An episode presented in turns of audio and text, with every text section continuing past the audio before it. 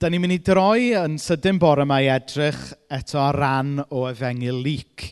Um, pan dwi'n pregethu yn oedfan y bore, da ni yn mynd trwy efengil lyc ers rhyw flwyddyn nawr. A da ni wedi cyrraedd penod 8 a rhan lle mae Iesu'n tawelu y storm. Dyna yw'r hanes sydd gyda ni. Ond jyst atgoffa'n hunain i ddechrau o pam bod ni'n edrych ar efengil lyc. Nawr mae'n amser o'r flwyddyn le i chi yn dechrau meddwl am anrhegion nadolig, os rwy'n di wneud unrhyw um, siopa nadolig eto. Yna ni, da iawn Sian. Pwy sydd wedi fod i Gerdydd wrthos yma? Ie, yeah, so, falle bod yna gysylltiad fyna.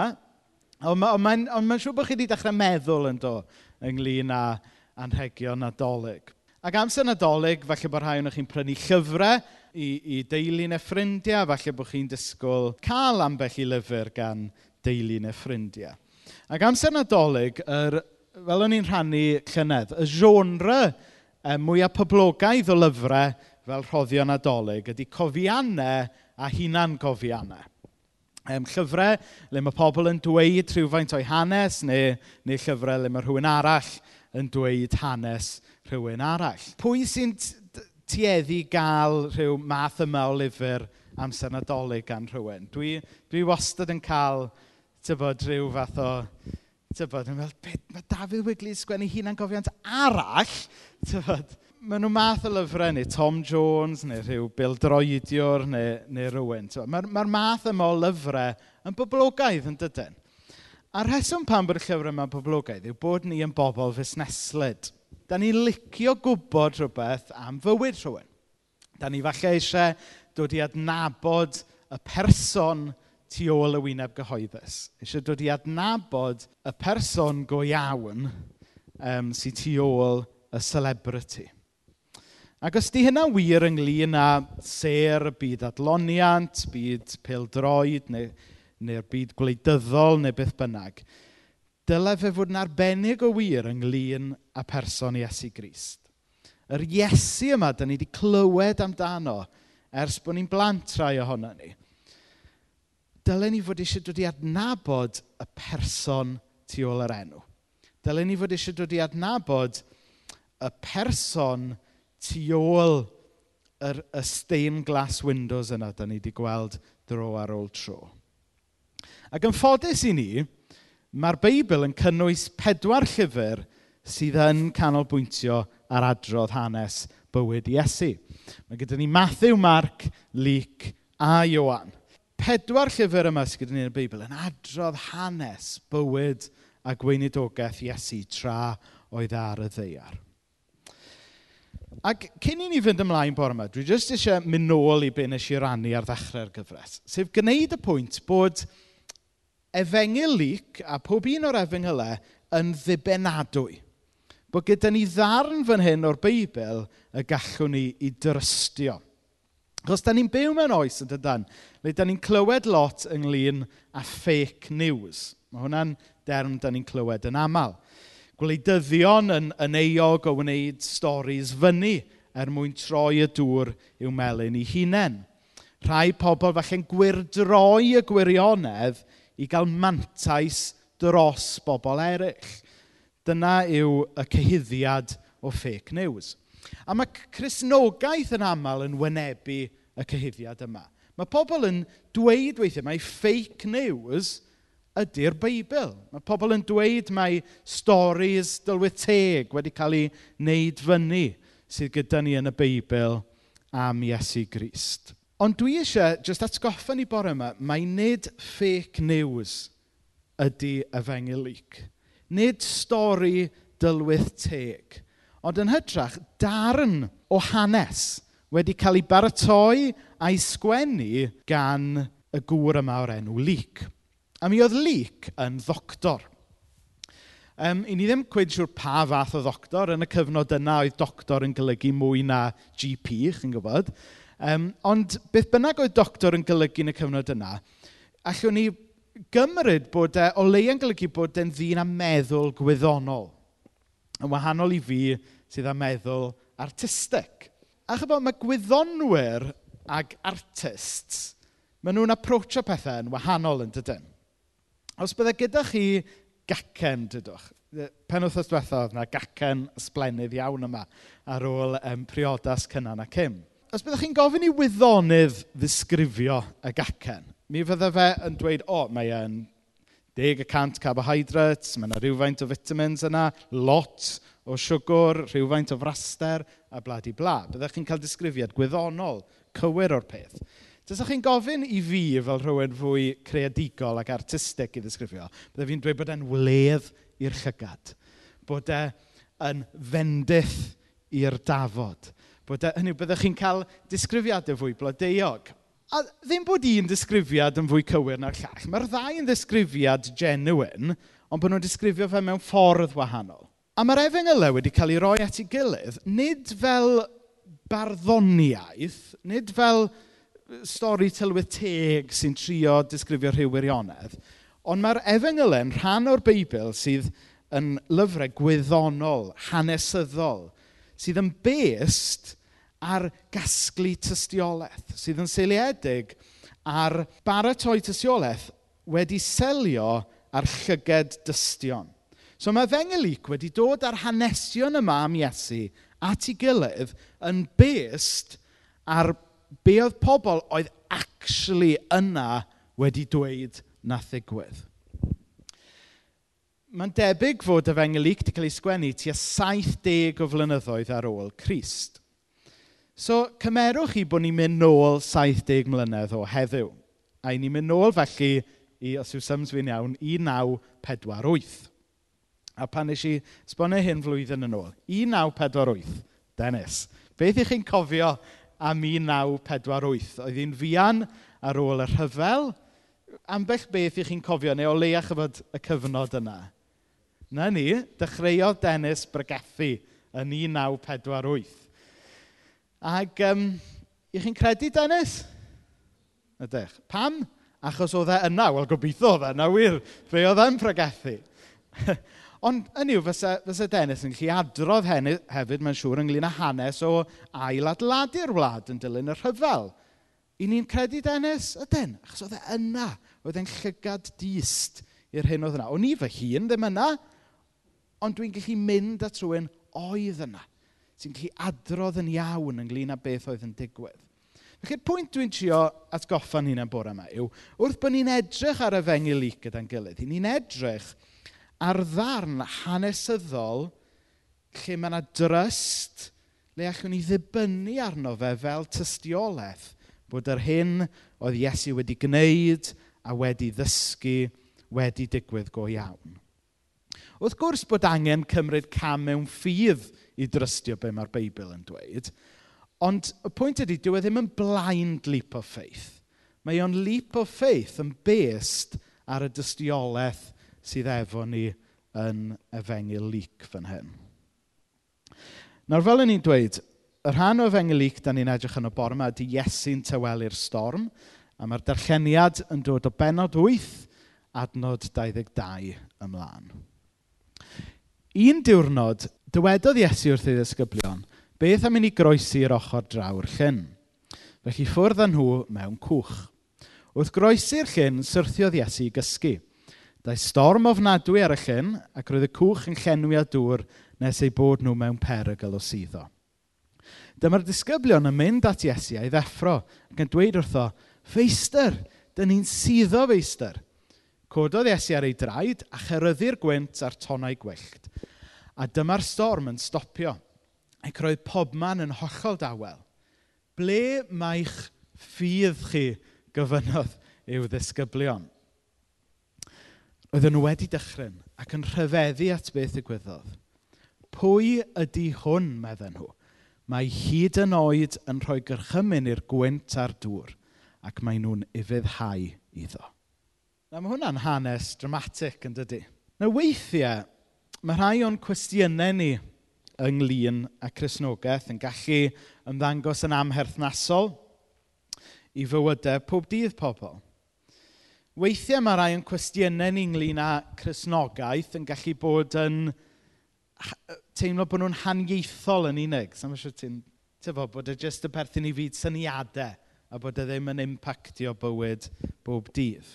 Ond yn yr hanes yma, i ni'n cael pobl yn gofyn cwestiwn real iawn ac immediate iawn. Nid criw cyfforddus yn iste mewn festri capel yn gofyn cwestiynau ynglyn â Dyw sydd fan hyn. Nid keyboard warriors ar Facebook yn trafod ffydd sydd fan hyn. Ond pobl go iawn, yng nghanol storm go iawn, yn wynebu argyfwng go iawn sy'n gofyn y cwestiynau yma.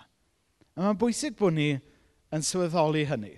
Achos weithiau, pan i ni'n trafod ffydd, i ni'n trafod ffydd o sort of comfort tawelwch y capel. Neu falle, i ni'n... Chi'n deall beth sydd gyda fi? Ond pobl go iawn, mae'n sefyllfa go iawn yn gofyn cwestiynau go iawn yng nghanol storm go iawn oedd fan hyn.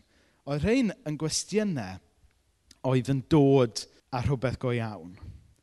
A chybod weithiau, mae fe'n cymryd storm mewn bywyd i orfodi ni ofyn cwestiynau ffydd go iawn yn dydy. Weithiau, da ni'n gallu trafod ffydd mewn ffordd chydig bach yn ffwrdd â hi, chydig bach yn soft. Ond pan mae storm bywyd yn taro, mae'n gorfodi ni i wynebu y cwestiynau yma ynglyn â Pwy ydw i? Pwy yw Iesu go iawn? Weithiau mae'n cymryd rhyw newid sydyn, rhyw argyfwng anusgwyl, i'n gorfodi ni ddod nôl at y cwestiwn sydd falle wedi bod yn dod ar yn hôl ni trwy yn bywyd. A'r cwestiwn yna yw, pwy yn union yw Iesu? A be mae Iesu'n golygu i fi? Un peth fi'n ho hoffi ynglyn â'r hanes yma yw fod nhw'n pwy ydy hwn? Maen nhw'n gofyn y cwestiwn iawn yn dydyn. Achos yn aml mewn bywyd, da ni'n gofyn y cwestiynau wrong yn dydyn. Sut, sut allai i sortio problemau fy hun allan? Sut allai i gyrraedd o fan hyn i fan hyn? Ac os ni'n gofyn y cwestiynau wrong, i ni, i ni ddim yn mynd yn bell iawn. Ond yng nghanol yr argyfwng yma o'r storm, maen nhw'n gofyn y cwestiwn iawn. Pwy ydy hwn? Pwy ydy y dyn mysterious yma sydd ar y llong gyda ni. A beth sy'n ddiddorol am y disgyblion yw bod nhw wedi bod yng nghwmni Iesu ers eitha tipyn ar y pwynt yma. Maen nhw wedi gwrando arno fe'n siarad. Maen nhw wedi bod yn dystion i rhai o'r gwirthiau mae e wedi wneud. Ond fod nhw dal, mae'n ymddangos, heb wir ddeall pwy oedd e. A'r peth yw, mae hwn yn gallu bod yn wir amdano ni, yn dydy. Nawr, fel llawer un ohonoch chi, ges i fy magu yn mynd i'r capel. O'n i'n gwybod dim byd arall. O'n i'n mynd i'r capel tair gwaith pob di syl. O'n i'n mynd i cwrdd am ddeg, o'n i'n dod nôl i'r capel am handi dau i'r ysgol syl, a nôl i'r capel yn y nos eto am chwech. Pan o'n i'n tyfu lan, oedd, oedd Iesu bron fel rhywbeth o fel uncle yn y teulu. Oedd e, oedd e mor familiar a hynny. Ges i magu mewn teulu chrysnogol fel llawer un ohonoch chi. Oedd Iesu wastad yna, chi'n gwybod. Ond wedyn, pan o'n i rhywfaint yn hun yn farddegau, o'n i'n gofyn y cwestiwn, pwy ydy hwn? Ai jyst rhyw fath o traddodiad od oedd mam a dad wedi magu fi ynddo fe oedd e, a dim byd mwy? Ai jyst rhyw fath o rhywbeth superstitious oedd ni fel Cymru wedi bod yn dilyn ers canoedd o flynyddoedd? Pwy ydy hwn? A pan o'n i yn farddeg, dyma fi'n sylweddoli, mae dew oedd hwn. A bod angen i fi fy hun droi at hwn a cychwyn i addoli a'i ddilynau. E. Oedd y disgyblion ar y pwynt yma, falle o'n nhw'n credu mai bod e'n broffwyd gan ddew, Allan nhw'n meddwl mai rhyw athro, rhyw rabi arbennig oedd Dyw wedi danfon o dde. Ond ar y pwynt yma, o'n nhw heb sylweddoli bod Dyw i hun gyda nhw fyna ar y cwch. Pwy ydy hwn? Mae hyd yn oed yn rhoi gyrchymyn i'r gwynt a'r dŵr ac mae nhw'n ei fyddhau iddo. Mae'n amlwg y noson yna fod y geiniog wedi dechrau syrthio. Yng nghanol y storm, yng nghanol yr argyfwng, yn Iesu Grist bod nhw'n dechrau sylweddoli bod nhw'n dod wyneb yn wyneb ar dew mawr i hun. A falle fod rhai ohonych chi wedi mynd trwy rhyw argyfwng neu rhyw newid dramatic yn eich bywyd chi. Falle bod chi'n mynd trwy y storm ar hyn o bryd. Ac yng nghanol y storm yna, bod chi'n ffeindio chi'n yn gofyn yr un cwestiwn. Pwy ydy hwn? A'r peth ynglyn ag cwestiynau, mae rhaid ni ateb nhw'n does. Mae'n ma, beth eitha ffasiynol mewn bywyd i ofyn cwestiynau a peidio, peidio rhoi ateb iddyn nhw. Mae gwleidyddion yn dda ynglyn â hynna. Mae newydd y derwyr yn gofyn cwestiwn a maen nhw'n taro cwestiwn nôl. Wrth gwrs, weithiau oedd Iesu'n gwneud hynna'n doedd. Ond pan oedd Iesu yn taro cwestiwn nôl ato ni, oedd e'n neud e er mwyn i bobl ddod i weld dros nhw i hunain pwy oedd e. Pwy ydy hwn? Ydyn ni bore yma'n barod i ateb y cwestiwn yna? Ydyn ni'n hapus yn meddwl mai jyst rhyw gymeriad bach i ni dysgu'r plant yn ysgol syl yw e? Ydyn ni'n hapus mai jyst rhyw ffigwr sydd wedi rewi mewn stained glass window yw e? Ydyn ni'n hapus gyda'r ateb mai jyst rhyw athro da yw e? neu ydan ni bore yma yn gweld mai Dyw i hun ydy Iesu. A bod y Dyw yna eisiau dod â bywyd i bob un ohono ni. A fod y Dyw yna eisiau dod â maddeiant i fywyd pob un ohono ni. Achos ynglyn â'r cwestiwn yma ynglyn â pwy ydy Iesu, allwn ni ddim ista ar y ffens. Mae'n gwestiwn rhy bwysig i ni just ista ar y ffens. Mae'r dyfyniad enwog yma gan C.S. Lewis yn neud y pwynt yn glir. Christianity, if false, is of no importance, and if true, of infinite importance. The only thing it cannot be is moderately important.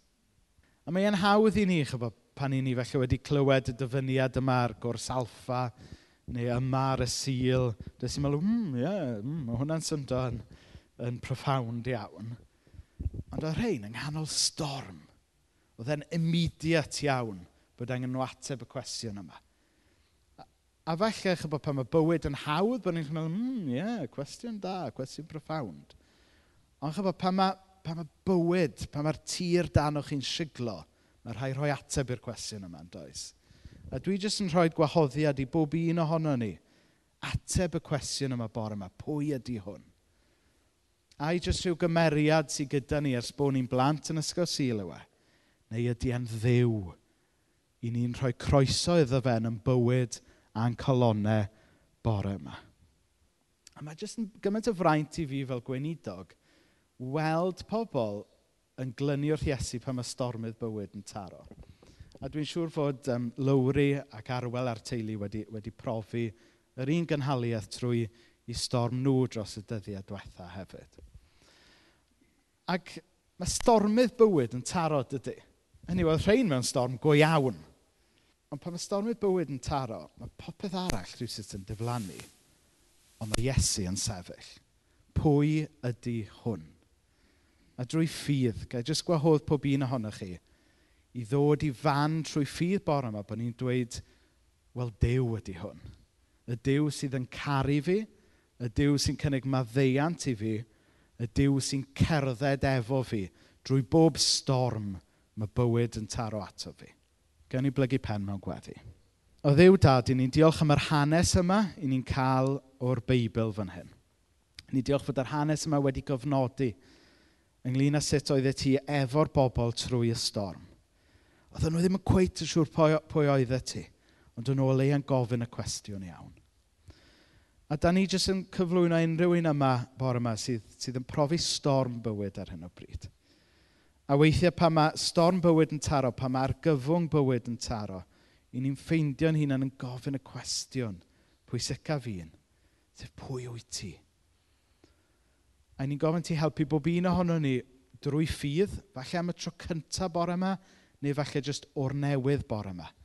I ateb drwy ffydd, mae ti Iesu yw yn arglwydd a'n gwaredwr ni.